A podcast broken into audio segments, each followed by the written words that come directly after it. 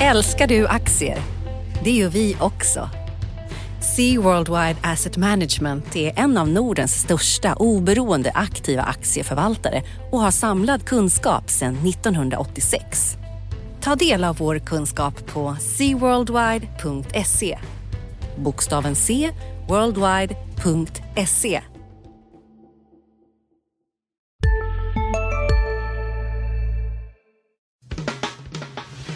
Analyspodden från Dagens Industri. Hejsan allihopa och välkomna till eh, Dagens Industris börspodd. Jag heter Ulf Pettersson och mitt emot mig har jag Martin Blomgren. God morgon Martin. God morgon Ulf. Det är en stor dag idag. Det är en historisk dag idag. Och varför är det det då? Därför att det är min sista dag på Dagens Industri. Och sista podd för dig Och i alla sista fall. podden. Ja. Och hur länge har du varit här? Tio år lite styvt. Okej. Så det är ett stort kapitel som eh, Det är det. Det stängs är, här. det är hal- halva din yrkeskarriär i alla fall. Eller jag vet inte Ja, knappt. exakt. Knappt. Ja, du är inte så gammal. Ja, jag hann in precis innan, eh, innan eh, IT-bubblan sprack. Just Så det. han var med ett, ett halvår, ett år ungefär på, Det har varit ett, ett på den uppgången.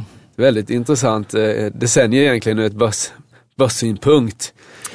Bra, och det är ju intressant nu också. Eh, vad tycker du vi ska prata om denna digra vecka? Vi ska prata om, tycker jag, rapportperioden framför allt, där vi är eh, mitt i den. Yes. Vi ska prata lite om centralbanker som fortsätter att skjuta från, eh, inte från höften kanske, men de skjuter i alla fall vilt.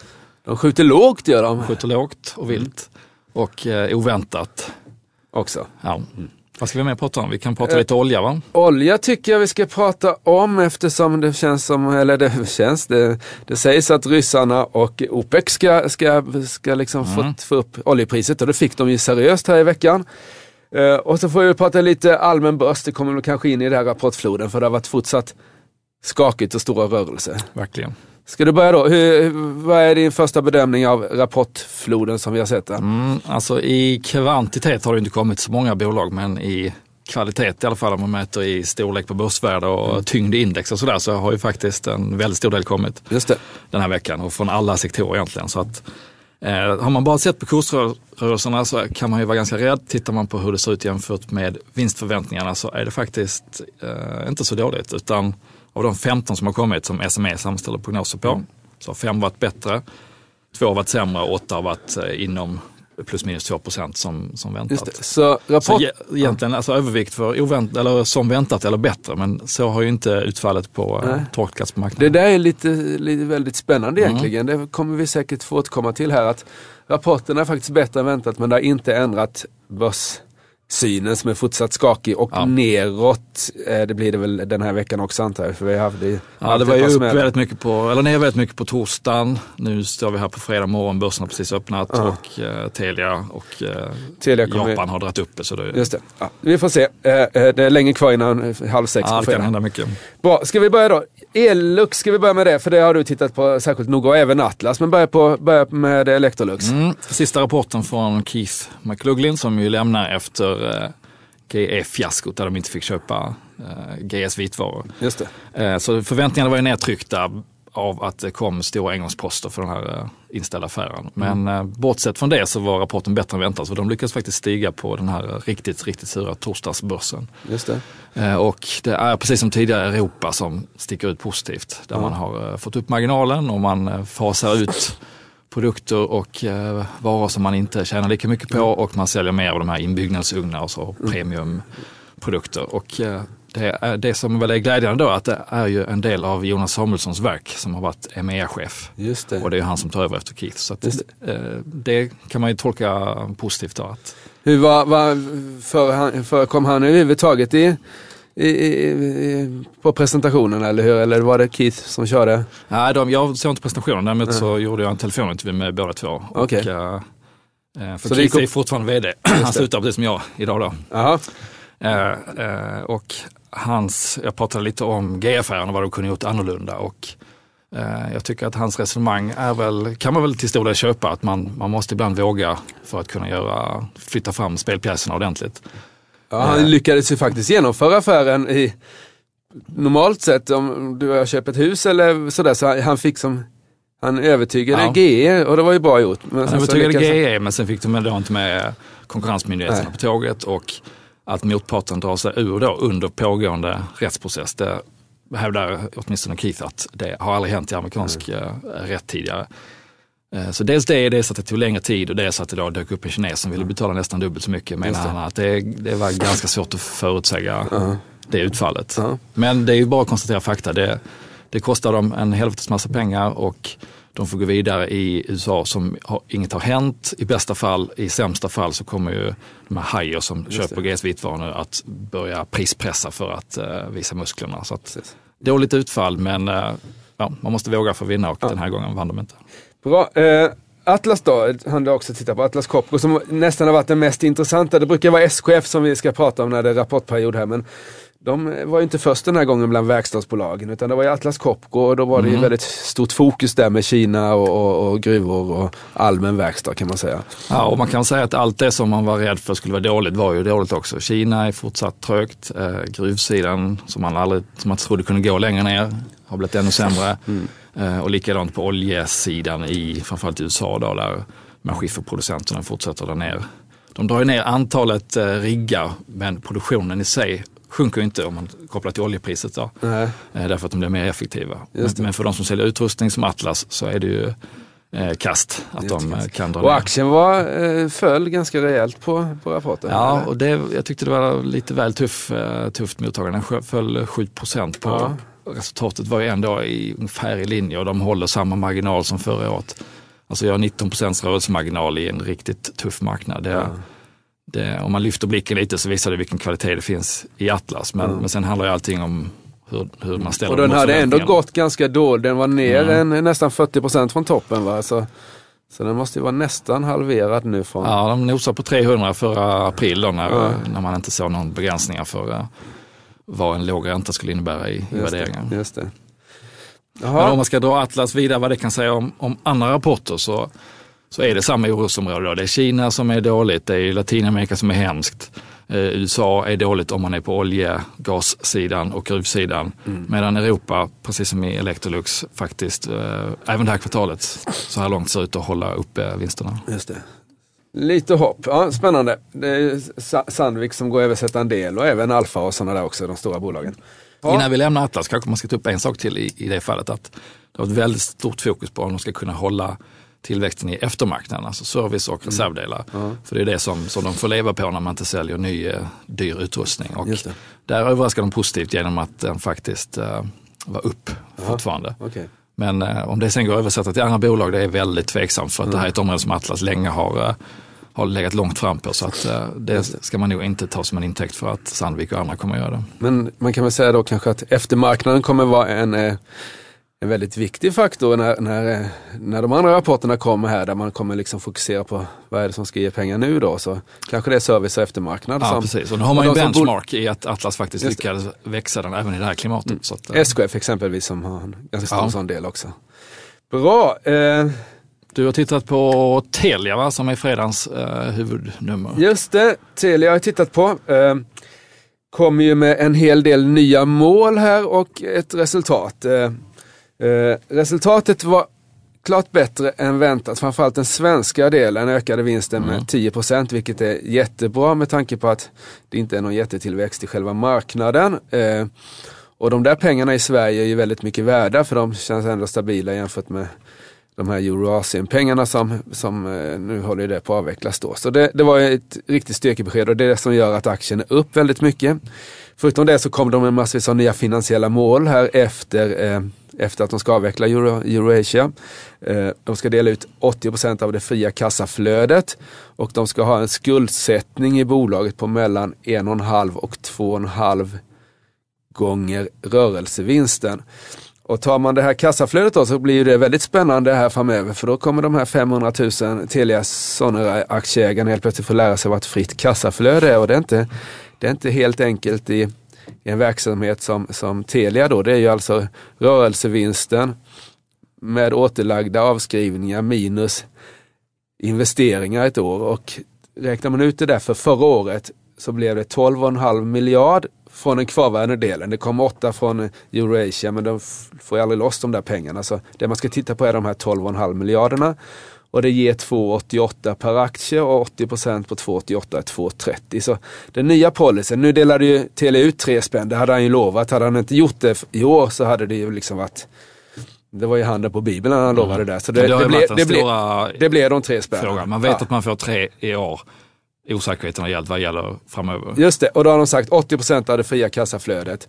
Och han tror på ett ungefär samma kassaflöde i år som förra året, att capex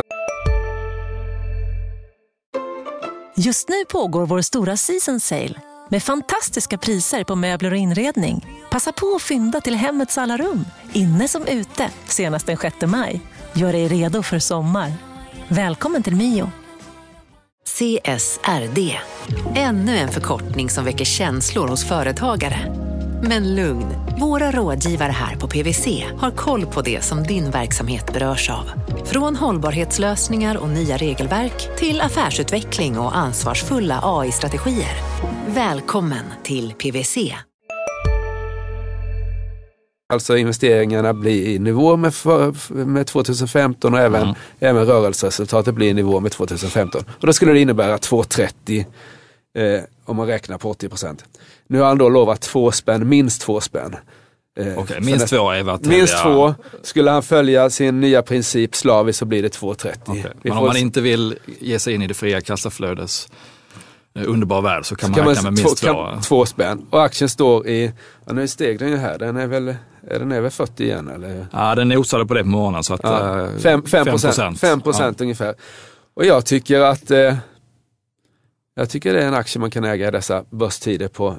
För de två spännen känns säkra. Eh, räknar man så att säga P-tal som kassaflöde så är det 13 och det, det tycker jag är okej. Jag tror att Telenät kommer vara värdefulla även i framtiden.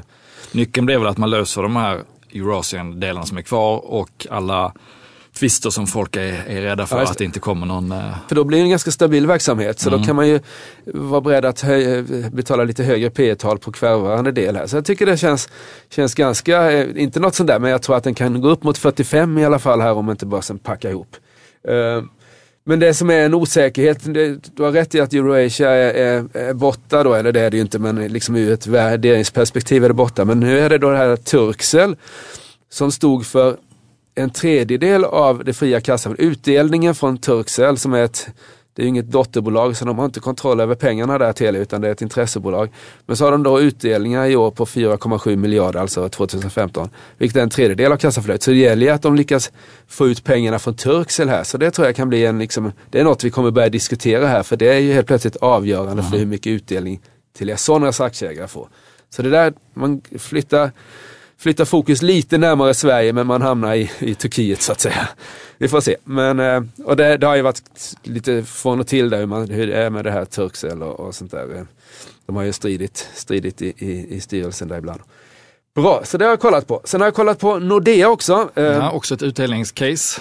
Just det. Eh, tidigare skulle de dela ut 75% av vinsten och så skulle den öka 10% om året. Eh, Det var ingen riktigt som stod hur det skulle gå till med tanke på hur resultatet ser ut och sådär. Men det var vad liksom Klausen förra vdn sa. Men nu när det kom en ny vd här, när man gick från en dansk vd till en finsk vd, eh, Kasper från Korskull. från Korskull ja, så ska han dela ut 70% av vinsten. Utdelningen idag, den höjdes då från eh, 62 eurocent till 64 eurocent, ungefär 6 spänn, vilket var väntat. Jag tror det det- motsvarar 70 procent nu. Men Nu, det motsvarar 70 nu och de ska öka den varje år. Och då är problemet att eh, eh, jag tror ju inte, och inte marknaden heller, tror inte att Nordea lyckas öka vinsten eh, nästa år. Kreditförlusterna är på gång lite upp och eh, eh, minusräntan lär förbli minusränta en god stund under det här året, kanske hela året. men de får in mycket kompetent personal det här året också. Just det, det är någon Martin Blomgren där men jag har hört att du får så ohyggligt hög lön så då minskar väl eh, utdelningen av det. Det är ju liksom det fria kassaflödet som vi pratar om här. Och det, Jag ska försöka hålla nere på Ja, det- representationskontot. måste du göra. För din skull. bra och för alla andra Nordea-aktieägare. Det var det. Eh, Jag har tittat på lite på H&M också, kom in som en negativ reaktion där. Jag tror det var en hel del eh, eh, januarisiffror som var lite sämre än väntat och att den inte höjde utdelningen. De, H&M's vinst sjönk sista, sista kvartalet med 7% men på helåret ökade det men det gjorde inte utdelningen. Och det var väl en liten besvikelse då. Men eh, ja. Tillsammans med den här nya kommunikationspolicyn att de två gånger om året inte kommer ha presskonferens i samband med rapporterna. Nej, just det. Eh, Och för alla som har varit på H&M's presskonferenser så syns det tydligt att eh, det inte är det roligaste som Carl-Johan Persson vet och, och stå och berätta för aktiemarknaden och analytiker hur kvartalet har gått. Men eh, gentemot de mindre aktieägarna så eh, tycker jag nog det är en, ja, ja. Ja. Rapporterna kommer att komma som vanligt men eh, det kan ju hinna hända mycket på ett halvår som man skulle vilja få ut. eh, Ja, jag benen. tycker, det, jag tycker eh, det är lite, lite löjligt för det kommer ju ändå ringas till dem. Alltså, ja, då är det Nils Winge så jag förstår inte.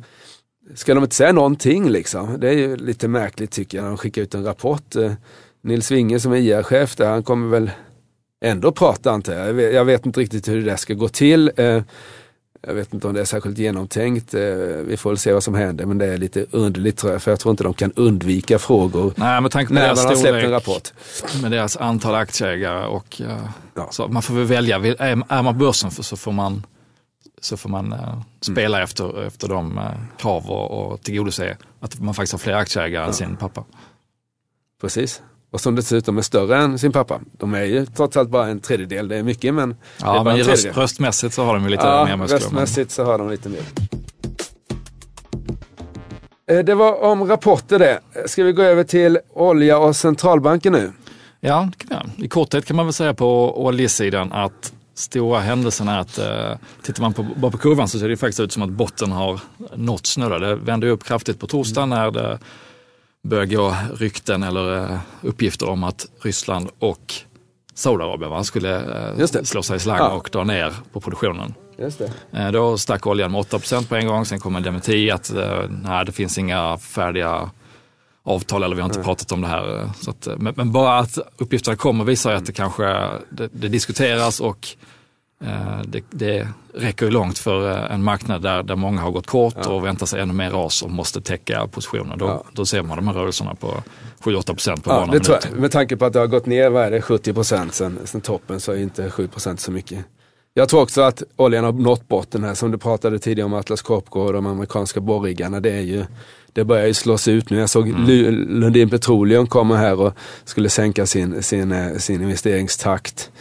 Och, Men, och sen i andra ringhörnan så står då Iran som precis har fått komma in i matchen och, och öka sitt utbud. Så att, eh, ja.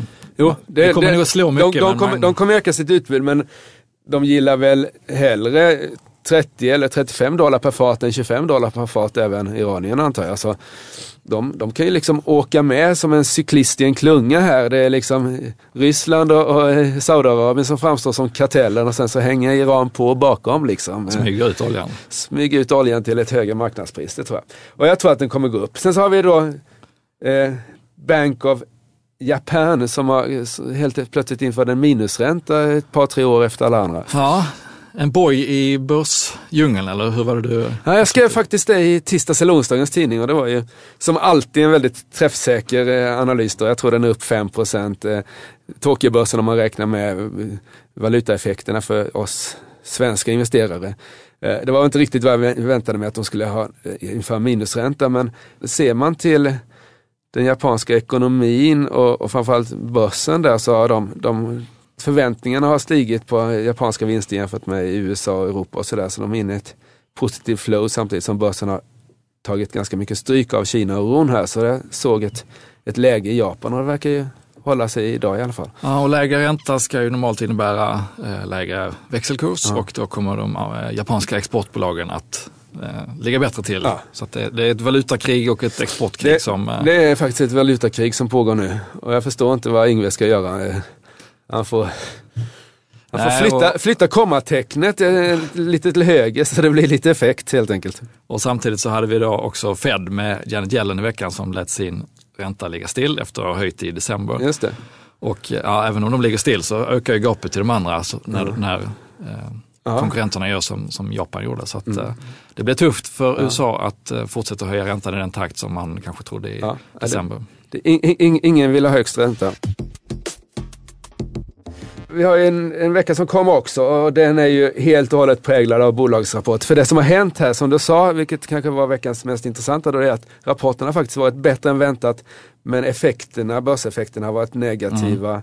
Vi får se om det vänder i nästa vecka. Det visar att man eh. inte, vilket är helt rätt, inte bara ska titta naturligtvis på kvartalets vinst på en rad utan det handlar om orderingång, det handlar om outlooksen för mm. året, mm. vilka investeringar man planerar sådär. Så att, eh, marknaden är mer komplex än att bara titta på en siffra. Ja, det, man inte det, kan tro det ibland. Det, men, men så är det ju. Och ska man sammanfatta rapportperioden då så det går bättre än väntat. Det kanske inte går jättebra men det går bättre än väntat. Men framförallt så är man inte riktigt säker på att det är över utan det kan bli värre kommande kvartal. Det är väl ja, så man ska... Och ju mer Europa och ju mer Sverige kanske man är exponerad mot desto bättre. Ja, så kan man säga.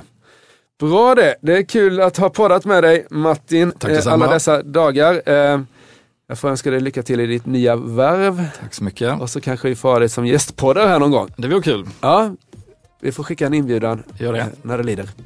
Tack för allt. Tack. Hej. Analyspodden från Dagens Industri. Podden redigerades av Umami Produktion. Ansvarig utgivare Lotta Edling.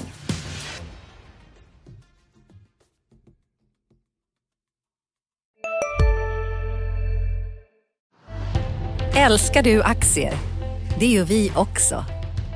Sea Worldwide Asset Management är en av Nordens största oberoende aktiva aktieförvaltare och har samlad kunskap sedan 1986. Ta del av vår kunskap på seaworldwide.se.